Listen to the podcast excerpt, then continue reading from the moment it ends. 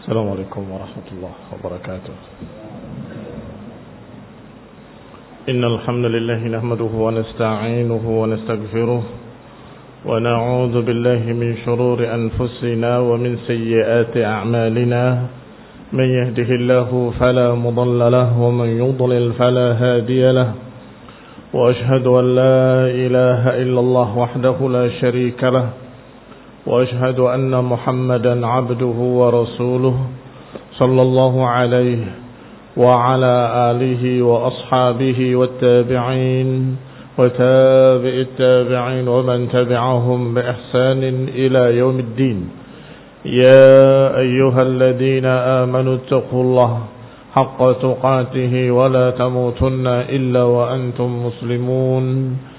يا أيها الناس اتقوا ربكم الذي خلقكم من نفس واحدة وخلق منها زوجها وبث منهما رجالا كثيرا ونساء. واتقوا الله الذي تساءلون به والأرحام. إن الله كان عليكم رقيبا. يا أيها الذين آمنوا اتقوا الله. وقولوا قولا سديدا. يصلح لكم أعمالكم ويغفر لكم ذنوبكم. ومن يطع الله ورسوله فقد فاز فوزا عظيما. أما بعد فإن خير الحديث كتاب الله وخير الهدي هدي محمد صلى الله عليه وعلى آله وسلم وشر الأمور محدثاتها فإن كل محدثة بدعة وكل بدعة ضلالة وكل ضلالة في النار إخواني في الدين أعزكم الله كمسلمين رحمني ورحمكم الله disebutkan oleh Syekh Islam rahimahullah dalam kitabnya Iqtida Shiratal Mustaqim fi mukhalafati ashabil jahim bahwasanya datang agama ini penuh hikmah dan mensyariatkan amalan-amalan perbuatan-perbuatan dan ucapan-ucapan yang berbeda dengan golongan yang dimurkai yaitu Yahudi dan juga berbeda dengan golongan sesat yaitu Nasrani dan yang sejenisnya. Wa amara bimukhalafatihim fil hajj zahir dan agama ini melarang untuk menyerupai mereka dalam perkara zahir. Wa in lam yadhhar li katsirin minal khalqi fi dhalika mafsadah, walaupun mungkin tidak tampak bagi kebanyakan orang ada mafsadah. Masyarakat melihatnya enggak ada kejelekan apa-apa. Tetapi dilarang. Mengapa? Ini jawabannya. Li umurin, karena beberapa perkara. Minha annal musyarakah fil hadyi dhahir turis tanasuban wa tashakulan bainal mutasyabihain yaqudu ila al muwafaqah fil akhlaq wal a'mal. Wa hadha amrun mahsus. Alasan pertama karena menyerupai satu kaum dalam pakaian zahir akan mewariskan kecocokan dalam hal batin antara mutasyabihan antara dua yang sama. Yaqudu ilal muwafaqah yang menyeretnya untuk menyamai dalam akhlaknya, dalam amalannya. Wahada amrun mahsus. Pahami dulu ini. Bahwasanya kalau seseorang itu seragamnya sama, saya terjemahkan seragam saja. Haji bohir itu pakaian yang tampak. Cara menyisir rambut, cara berpakaian, masalah wajahnya, cenggotnya, kumisnya itu namanya haji bohir. Kalau menyerupai satu kaum fi haji bohir dalam perkara bohirnya, niscaya akan terseret dia untuk menyamai pula secara akhlaknya. Oh bukti. Dibuktikan oleh beliau. Fa innal labis li thiyabi ahli ilmi mathalan yajid fi nafsihi atau yajid min nafsihi naw'un dimami ilaihim. Kalau seseorang berpakaian dengan pakaian ulama, pakai jubah, kayak imamah, kamis masya Allah, pakaiannya ulama, otomatis orang itu akan merasa dirinya dari golongan mereka, dari golongan ulama. Tidak akan orang seperti itu bersikap dengan sikap yang tidak pantas. Alisa kadzalik. Sebaliknya, kalau dia berpakaian dengan pakaian orang-orang kafir dengan levi'snya yang musbil, dengan robek di lututnya, dengan kaos lusuhnya, cukur jenggot, cukur kumis, dengan anting di telinganya. Kira-kira apa yang dilakukan? Apakah dia ke masjid baca Quran? Atau dia duduk di pengajian? Tidak. Bahkan kalaupun dia ingin untuk datang ke majelis ilmu, dia akan malu. Yastahi. Itu bukan tempat saya. Karena pakaian saya begini. Otomatis barakallahu fikum dia akan nongkrong di pinggir jalan. Otomatis dia akan duduk di depan-depan mall atau di dalam kafe-kafe dan diskotik. Itu barakallahu fikum karena pakaian. Kalau dia pakai pakaian sunnah, pakaiannya para ulama, dengan ziyis sunnah apakah dia pantas untuk berjalan di tempat-tempat yang jelek atau ke tempat-tempat yang jelek dan berjalan bersama orang-orang yang rusak dengan khamr dan sebagainya tidak kalaupun dia ingin ke sana dia akan berubah pakaiannya dia akan ganti ini barakallahu fikum amrun mahsus. Amrun mahsus. Perkara yang bisa dilihat, bisa diraba. Al-labis li thiyabi ahli ilmi mathalan yajid min nafsihi naw'un dhimami ilaihi merasa dari golongan ulama. Wal-labis li thiyabil jund orang yang memakai pakaian tentara.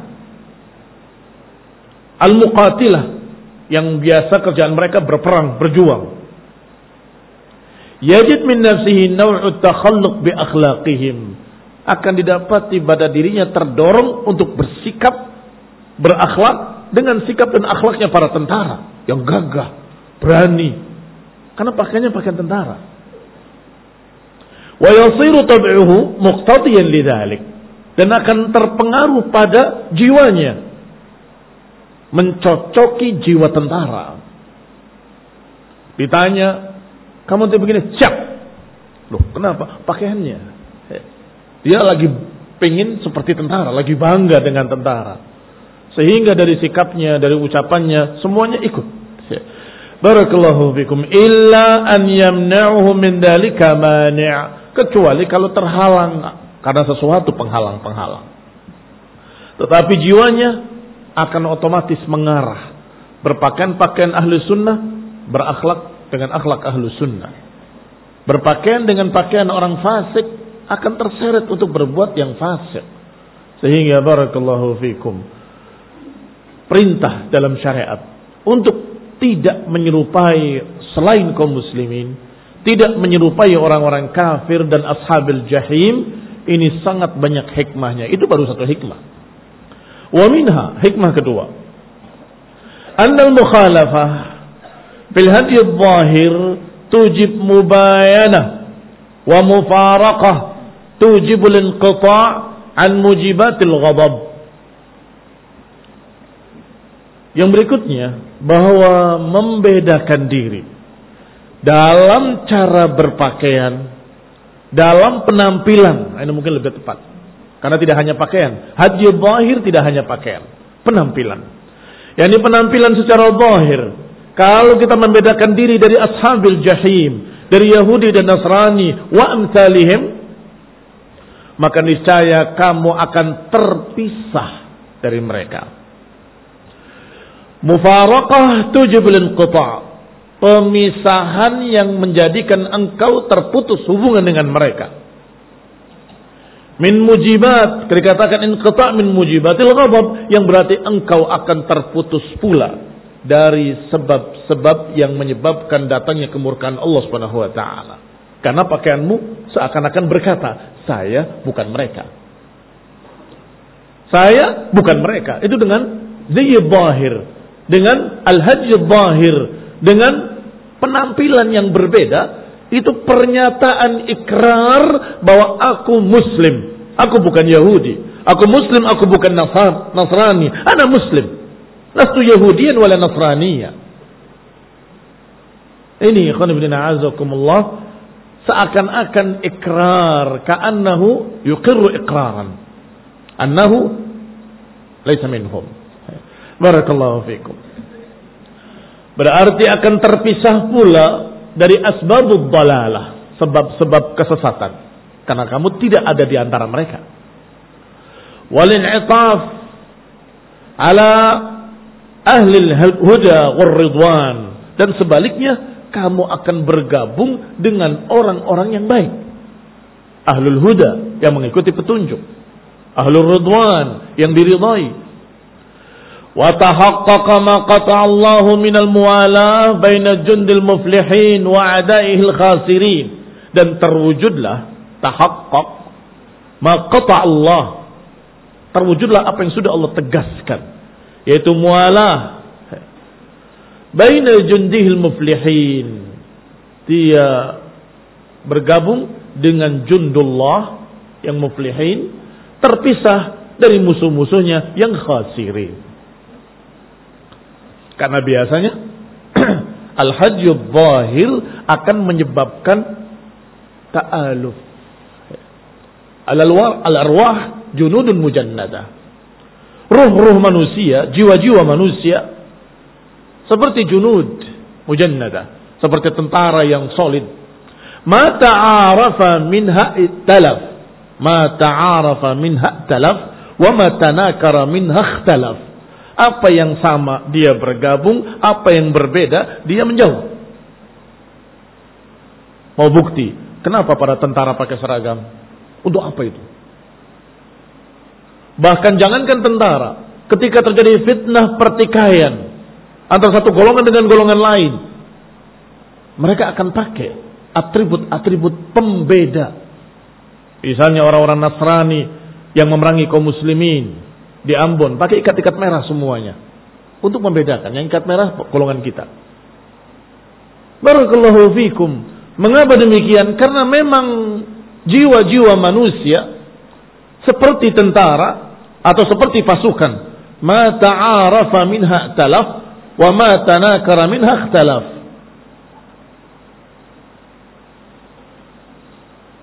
Kalau sama, golongan kami. Kalau berbeda, bukan golongan kami. Maka siapa yang bergabung dengan zahir dengan orang-orang baik, orang-orang baik akan mendekat. Oh, dari mana? Assalamualaikum, khair. Kenapa dia sikapnya baik? Pakaiannya sama dengan saya. Sebaliknya ketika kamu melihat, loh, musbil, pegang rokok di tangannya, ya, kamu akan menjauh. Mengapa? Hajjud zahir berbeda. Penampilannya sudah beda. Oh itu bukan ahlu sunnah. Ikhwan ibn a'azakumullah. Apalagi pakaian-pakaian yang lebih parah dari itu. Nasallahu salam ya. Akhirnya akan terpisah. Berarti yang pertama pengaruh pada batin dan akhlak. Yang kedua, akan terpisah dari orang-orang jelek dan akan otomatis bergabung dengan orang-orang baik. Imma kamunya akan bergabung dengan mereka atau mereka akan mendekati kamu. Ini kedua. Wa kullama kana al-qalbu atamma hayah wa arafa bil Islam alladhi al-Islam Lastu ani mujarradut tawassum bihi zahiran aw batinan mujarrad al-i'tiqadat at-taqlidiyah min haitsul jumlah. Kata Syekh Islam rahimahullah, dan setiap hati ini memiliki kehidupan yang sempurna. Hati dikatakan hidup dengan sempurna kalau dipenuhi dengan iman dan ketakwaan. Kalau hatinya hidup wa bil islami dan kenal Islam yang benar Al-Islam alladhi huwal Islam. Islam yang benar-benar Islam. Lastu a'ni bi mujarrad tawassum. Aku tidak memaksudkan hanya tawassum saja, hanya nama saja Islam, Islam secara isim bas. La. Tetapi Islam yang sungguh-sungguh. bukan Islam KTP. Bahiran atau batinan tetapi hanya ikut-ikutan. Punya keyakinan-keyakinan Islam secara global tapi ikut-ikutan saja. Siapa orang yang memiliki iman yang sempurna dan mengenali Islam yang sebenarnya kana ihsasuhu bimufaraqatil yahudi wan nasara batinan aw zahiran atam orang tersebut niscaya semangatnya untuk membedakan diri dari Yahudi semangatnya untuk membedakan diri dari Nasrani akan lebih sempurna pula semakin sempurna hatinya kehidupan hatinya Semakin sempurna pengenalannya terhadap agama, otomatis semakin sempurna semangatnya untuk membedakan diri dari Yahudi atau Nasrani. Atau yang sejenis Yahudi atau yang sejenis Nasrani. وبعده عن أخلاقهم الموجودة في بعض المسلمين أشد dan jauhnya orang ini yang sempurna imannya, sempurna kehidupannya, sempurna pengenalannya terhadap agama, otomatis dia akan jauh dan lebih jauh dari akhlak-akhlak Yahudi dan Nasrani yang masih tersisa di tengah-tengah kaum muslimin. Al-mawjudah fi ba'dil muslimin. Bu'duhu ashad. Ashad berkait dengan wa bu'duhu. Wa bu'duhu ashad bu'duhu an akhlaqihimul mawjudah fi ba'dil muslimin yaitu jauhnya dari akhlak-akhlak Yahudi atau akhlak-akhlak Nasrani yang masih tersisa tengah-tengah kaum muslimin dia akan jauh kenapa walaupun itu dilakukan muslimin dia tahu dia kenal ini bukan akhlaknya muslimin ini akhlaknya Yahudi yuharrifun al-kalima an mawadhi'i ini akhlaknya Yahudi yaktumun al-ilma wa hum ya'lamun ini akhlaknya Yahudi. Mereka lemparkan kitabnya wara'a dhuhurihim ka'annahum la ya'lamun. Ini akhlaknya Yahudi, hasad. Tahu sehingga dia menjauh.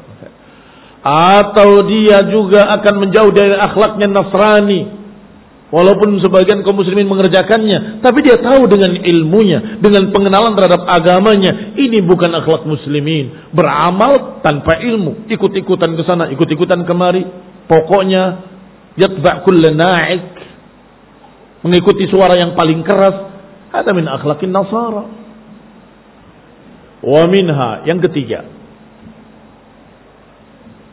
Anna musyarakatahum fil hadyi zahir tujibul ikhtilat al-zahir.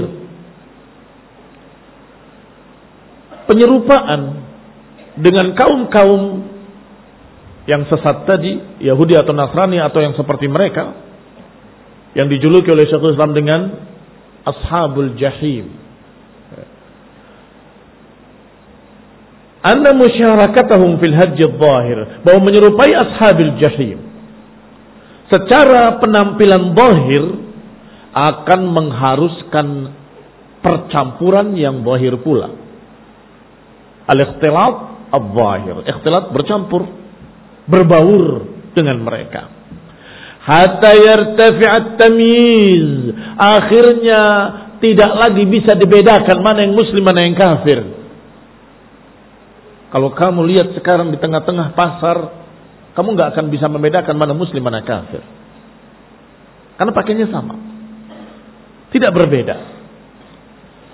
Sehingga ikhtalata baina haula. Hatta yartafi'at tamyiz. Akhirnya hilanglah tamyiz. Hilanglah pembeda. Tidak ada sama sekali pembeda secara zahir antara al-mahdiyin dengan mardiyin antara yang mahdiin mendapatkan petunjuk, mardiin mendapatkan keridhaan, wa bainal maghdubi alaihim dan antara orang yang dimurkai atau yang balin, nggak bisa dibedakan.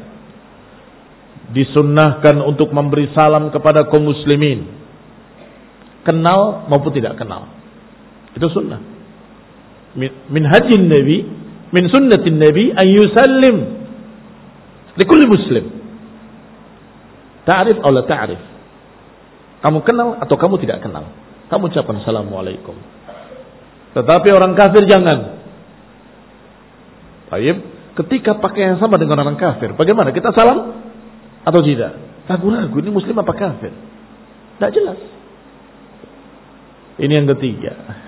Yang pertama tadi akan berpengaruh pada akhlaknya. Orang yang berpakaian sunnah malu untuk berbuat berbagai macam kejelekan. Orang yang berpakaian ahlul fasik akan dengan seenaknya berbuat fasik. Bahkan malu untuk masuk ke masjid. Itu pengaruh pada akhlak. Yang kedua, akan menjadikan engkau terpisah dari orang-orang jelek. Yang ketiga, bahwa akan tercampur kamu dengan mereka kalau sama pakaiannya dan penampilannya dan sulit untuk dibedakan mana muslim mana kafir, sulit dibedakan mana al-mahdiyin dan mana ad-dallin al-maghdubi alaihim. Ila ghairi dzalika min al-asbabil hakimah dan lain-lainnya dari sebab-sebab yang merupakan perkara yang akan membawa pada hikmah-hikmah. Hada idza lam yakun dzalikal hajju dhahir illa mubahan catatan penting. Ini kalau kita bicaranya hajjud bahir, pakaian bahir atau penampilan bahir. Kalaupun itu masih mubah. Kalaupun itu masih mubah. Lau tajarrada an musyabahatihim kalau saja dia membedakan diri untuk tidak menyerupakan diri dengan mereka, itu sudah punya tiga hikmah tadi. Kalaupun kita masih berkata pakaian yang dipakainya pakaian yang biasa. Tidak berkait dengan akidah. Adapun jika ternyata yang kamu pakai, yang kamu jadikan sebagai penampilanmu adalah perkara yang mujibat kufur. Mujibatul kufur artinya mengharuskan kekufuran. Apakah ada hadju zahir mewajibkan kekufuran? Ada. Misalnya pakai kalung salib, katanya keren. Itu sudah berkaitan dengan agama. Sudah mengerikan lagi. Bukan hanya tiga ini perkaranya. Masih ada sekian banyak permasalahan. Fa'innahu yakunu syu'batun min syu'abil kufur. Kalau yang dilakukannya yang dipakainya, atau penampilannya adalah perkara yang berkait dengan agama mereka, maka tentunya ini adalah perkara yang lebih-lebih lagi, yang berarti ada cabang dari cabang-cabang kekufuran pada dirinya. Ada syu'batun min syu'abil kufur. Famuwafaqatuhum fihi muwafaqatun fi naw'in min anwa'i dalalihim wa ma'asihim. Maka mencocoki mereka padanya berarti mencocoki salah satu dari kesesatan mereka. Salah satu dari kemaksiatan mereka. Tadi baru bicara haji zahir, penampilan zahir. Kalau sama dengan mereka, ada madarat-madarat yang sudah disebutkan. Apalagi kalau perkaranya bukan hanya haji zahir. Tetapi berkait dengan din. Seperti merayakan ulang tahun. Dengan lilin. Ya. Apa ini? Siapa yang kenal lilin? Acara siapa itu? Yang di tempat ibadahnya dikasih lilin-lilin pinggir-pinggirnya. Kemudian agak modern diganti lilinnya jadi lampu yang seperti lilin juga. Nasrani. Di mana ada ajaran Islam mengajarkan ulang tahun? Bernyanyi dengan nyanyi yang sama persis seperti mereka. Panjang umurnya. Pakai bahasa Inggris lah itu. Tapi kalau merayakan ulang tahunnya Nabi bagaimana? Ya. Barakallahu fikum. Sampai-sampai mereka menamakannya dengan nama yang sama dengan mereka. Natal. Muslimin. Disnatalis. Pernah dengar? Perayaan. Ulang tahun. Ya. Berarti kalau diterjemahkan adalah Natal Nabi Muhammad SAW. Kalau perayaan Natal berarti ada dua sekarang. Ini barakallahu fikum tasyabbuh. Penyerupaan dengan mereka. Para sahabat tidak melakukannya, para tabi'in tidak melakukannya, para tabi'in tabi'in tidak melakukannya. Tidak ada. Asar-asar yang seperti itu. Barakallahu fikum. Ditambah lagi dengan berbagai macam apa yang mereka lakukan pada akhlak mereka dan ibadah mereka.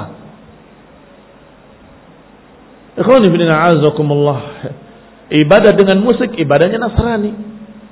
Ibadah dengan lagu-lagu kudus, ibadahnya Nasrani di gereja-gereja mereka. Oh, tapi kan kita manggil ilahi. Tahu kalian apa maknanya haleluya? Ilahi. Sama. Kau muslimin rahimani wa rahimakumullah. Qala dikatakan oleh Syekh Islam rahimahullah Hada barakallahu fikum aslun yanbaghi an yutafattan lahu wallahu alam. Ini perkara yang harus diperhatikan. Prinsip dasar dari apa yang akan kita bahas dalam kitab ini adalah ini. Ya. Perintah dari Allah dan Rasulnya untuk membedakan diri dari ashabil jahim. Faslun fi dzikril adillah minal kitabi was sunnah wal ijma' ala al-amr bi mukhalafatil kuffari wan nahi an bihim. Pasal berikutnya adalah pasal tentang dalil-dalilnya. Apa saja dalil-dalilnya dari kitab was sunnah, dari Quran dan sunnah dan ijma' tentang perintah untuk menyelisihi orang-orang kafir dan larangan untuk menyerupai mereka. Qala rahimahullah, lamma kana al-kalam fil mas'alatil khassah qad yakunu mundarijan fi qa'idatin 'ammah. Bada'na bi dzikri ba'di ma dalla min al-kitab wa sunnah wal ijma' 'ala al-amri bi mukhalafatil kuffari wan nahyi 'an musyabahatihim fil jumlah. Karena pembicaraan dalam masalah yang khusus kadang-kadang merupakan cabang dari pembicaraan tentang pembahasan yang umum. Kaidah ammah. Maka kita mulai apa yang ditunjukkan dalam kitab dan sunnah dan ijma secara umum dulu. Secara global dulu. Perintah untuk menyelisihi orang kafir dan larangan untuk menyerupai mereka fil jumlah secara globalnya. Baru nanti dirincikan. Sawa'un kana dhalika 'amman fi jamil anwa'il mukhalafah, sama saja. Apakah ini sifatnya umum pada seluruh penyelisihan atau khasah bi ba'dihha atau khusus pada sebagiannya. Wa sawa'un kana amru ijab, sama saja apakah perintahnya perintah yang wajib atau amru istihbab atau perintah yang sifatnya anjuran.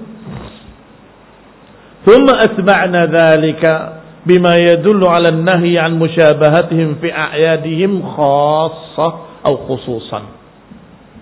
Kemudian baru kita ikutkan di belakangnya larangan-larangan yang khusus jangan menyerupai mereka dalam masalah tertentu. Misalnya dalam masalah perayaan, nggak boleh mengikuti perayaan mereka.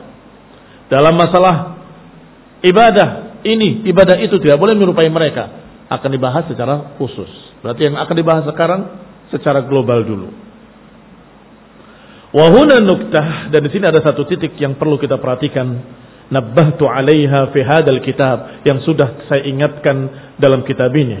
Ala wahia annal amra bimuwafaqati qaumin aw bimukhalafatihim qad yakun li'anna nafsa qasada muwafaqatihim yaitu bahwa perintah untuk mencocoki satu kaum atau sebaliknya perintah untuk menyelisihi satu kaum kadang-kadang karena ada sesuatu yang dituju dalam menyerupai mereka atau dalam menyerupai mereka ada maslahatun wa kadzalika nafs kadang-kadang juga jiwa ini meniatkan sesuatu menyelisihi mereka karena khawatir ada kejelekan di sana sehingga kita menyelisihinya ada maslahah. Nafsi mukhalafatihim maslahah. Karena pada penyelisihannya ada maslahah. Bima'na, dengan makna anna dhalikal fi'l yatadamman maslahatun lil bu'di lil 'abdi aw mafsadah. Yani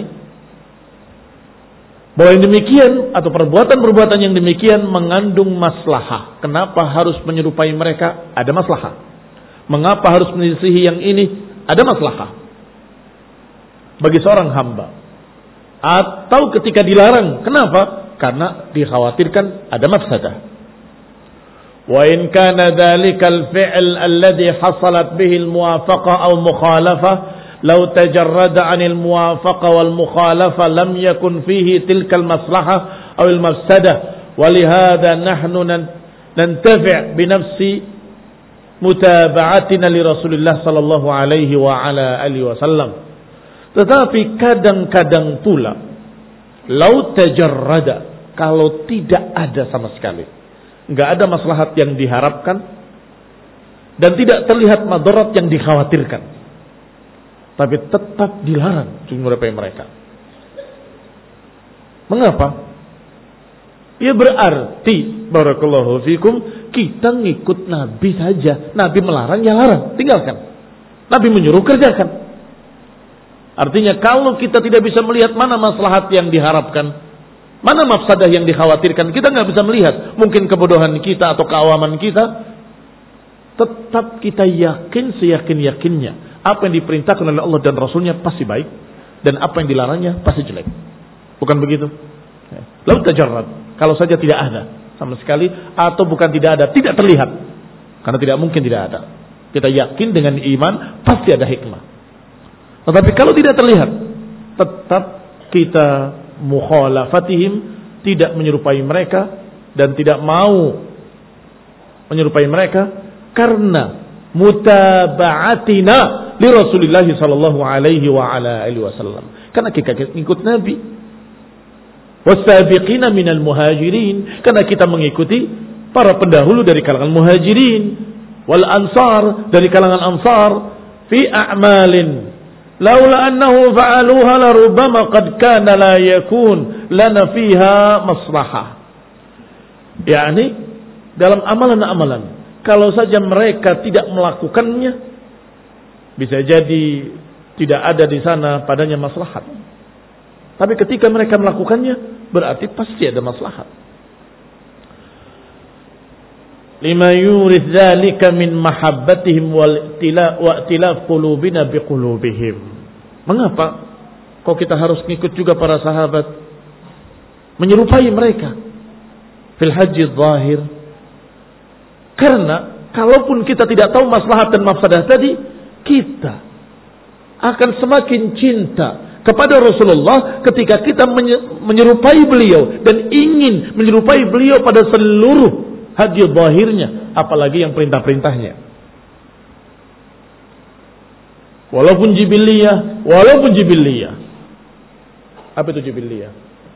Beberapa ulama membedakan antara apa yang dilakukan oleh Rasulullah SAW sebagai sunnah jibiliyah dan sebagai sunnah muttaba'ah. Dibedakan. Kalau sunnah muttaba'ah berkait dengan din, maka itu sunnah. Kalau jibiliyah yang berkait dengan pribadi Rasulullah SAW sebagai orang Arab yang ada di sana. Misalnya, mereka akan bertanya, kalau kamu tidak mau menyerupai orang-orang selain Islam, selain Rasulullah dan para sahabatnya, mereka makan kurma, kenapa kamu makan nasi? Kita akan jawab, masalah makan Rasulullah SAW itu jibiliyah. Kecuali dalam perkara tertentu Rasul menyuruh berbuka dengan korma maka itu jadi sunnah tapi makanan pokok silahkan mau makan korma makan nasi makan roti silahkan demikian pula beberapa ulama menyatakan rambut panjangnya Rasulullah SAW itu juga jibiliyah bukan sunnah panjang seperti Rasul tidak apa-apa pendek tidak apa-apa Apakah yang ini lebih bagus dari yang itu? Tidak ada perbedaan. Karena itu jibiliyah. Tidak berkait dengan din. Tidak disunahkan untuk panjang rambutnya. Sebagaimana kata Ibn Uthaymin rahimahullah. Tidak disunahkan untuk membuka kancingnya yang atas. Itu juga sama. Sebagaimana diriwayatkan dalam riwayat, mengapa engkau seperti itu? Kata sahabat tadi, karena aku melihat Rasulullah juga seperti ini. Itu juga jubiliyah. Tetapi kenapa diikuti oleh sahabat tersebut? Dia suka dengan Nabi. Dan ingin sama dengan Rasulullah SAW. Dan itu barakallahu fikum tidak mengapa. Bahkan itu akan memunculkan semakin cintanya kita kepada Rasulullah SAW. Itu nih maksud. Barakallahu fikum. Sebaliknya, kalau kita menyelisihi mereka juga begitu. Menyelisihi mereka. Pada perkara-perkara yang sama dengan jibiliyah. Apa maknanya sama dengan jibiliyah? Ya tidak mengapa. Mau makan pakai sendok tidak mengapa. Mau makan pakai tangan juga nggak mengapa. Tapi ada orang yang berkata, aku pengen pakai tangan supaya aku sama dengan Rasulullah para sahabatnya. Ya nggak apa-apa. Akan muncul pada dirimu kecintaan, kesukaan. Dan jangan mengatakan bahwa ini harus begini, harus begitu. Nggak ada perintah-perintah seperti itu. Ini barakallahu fikum karena kamu tidak mau menyerupai mereka. Ini barakallahu fikum yang dimaksud oleh Syekh Islam Ibnu Taimiyah rahimahullah sehingga kalau muafaqah dan mukhalafah itu disusun yang paling ringannya, yang paling bawahnya adalah ini. Yang dikerjakan tidak terlihat ada maslahat yang diharapkan. Kalau tidak dikerjakan gak ada mafsadah yang dikhawatirkan. Tidak mengapa makan pakai sendok, makan pakai tangan, bedanya. Tapi kamu ingin untuk membedakan diri dari orang kafir dan sesuai atau menyerupakan diri dengan para sahabat dan Rasulullah SAW. Ya pengen dirinya merasa saya bergabung dengan para sahabat dalam kesamaannya. Ini barakallahu fikum yang paling ringannya dibahas oleh Syekhul Islam Ibnu Taimiyah bahwa itu paling tidak iktidaan wa hubban pengen ngikut dan karena suka, cinta. Lihatlah bagaimana orang-orang yang ngefan dengan penyanyi-penyanyi fasik atau binatang-binatang film fasik. Niru apa nggak niru? Niru pakaiannya. Oh ini pakainya fulan. Ininya dirubah, rambutnya dirubah. Barakallahu fikum. Kenapa? Karena kamu suka dengan mereka. Itu otomatis. Karena al-arwah junudun mujannada, jiwa itu seperti tentara yang solid. Kalau dia itu cinta pada mereka, maka berusaha untuk menyerupakan diri dengan mereka. Yang cinta kepada Rasulullah SAW, berusaha untuk menyerupakan diri dengan Rasulullah SAW. Maka barakallahu fikum. Kalau yang ingin menyesuaikan diri dengan orang-orang fasik tadi, anak pondok, maka itu aneh. Pertama aneh kapan lihatnya? Kok kemudian pengen niru mereka? Berarti ada pelanggaran. Curi-curi. Untuk melihat kemaksiatan dan kejelekan. Itu satu. Kedua, berarti kamu lebih cinta kepada mereka daripada kepada para sahabat. Karena ditiru dengan mereka. Ketika pakai peci nggak terlihat, masya Allah. Begitu dibuka macam-macam rambutnya. Ya, saya tidak suka. Wallahi saya tidak suka. Ini nasihat khusus buat para santri. Ya. Ima cukur rata. Wah ima panjang rata. Tidak ada sama sekali model ini, model itu tidak ada. Ya. Barakallahu fikum. Wa rahmah. Subhanaka wa bihamdik. Asyhadu an la ilaha illa anta astaghfiruka wa atubu ilaik. Wassalamualaikum warahmatullahi wabarakatuh.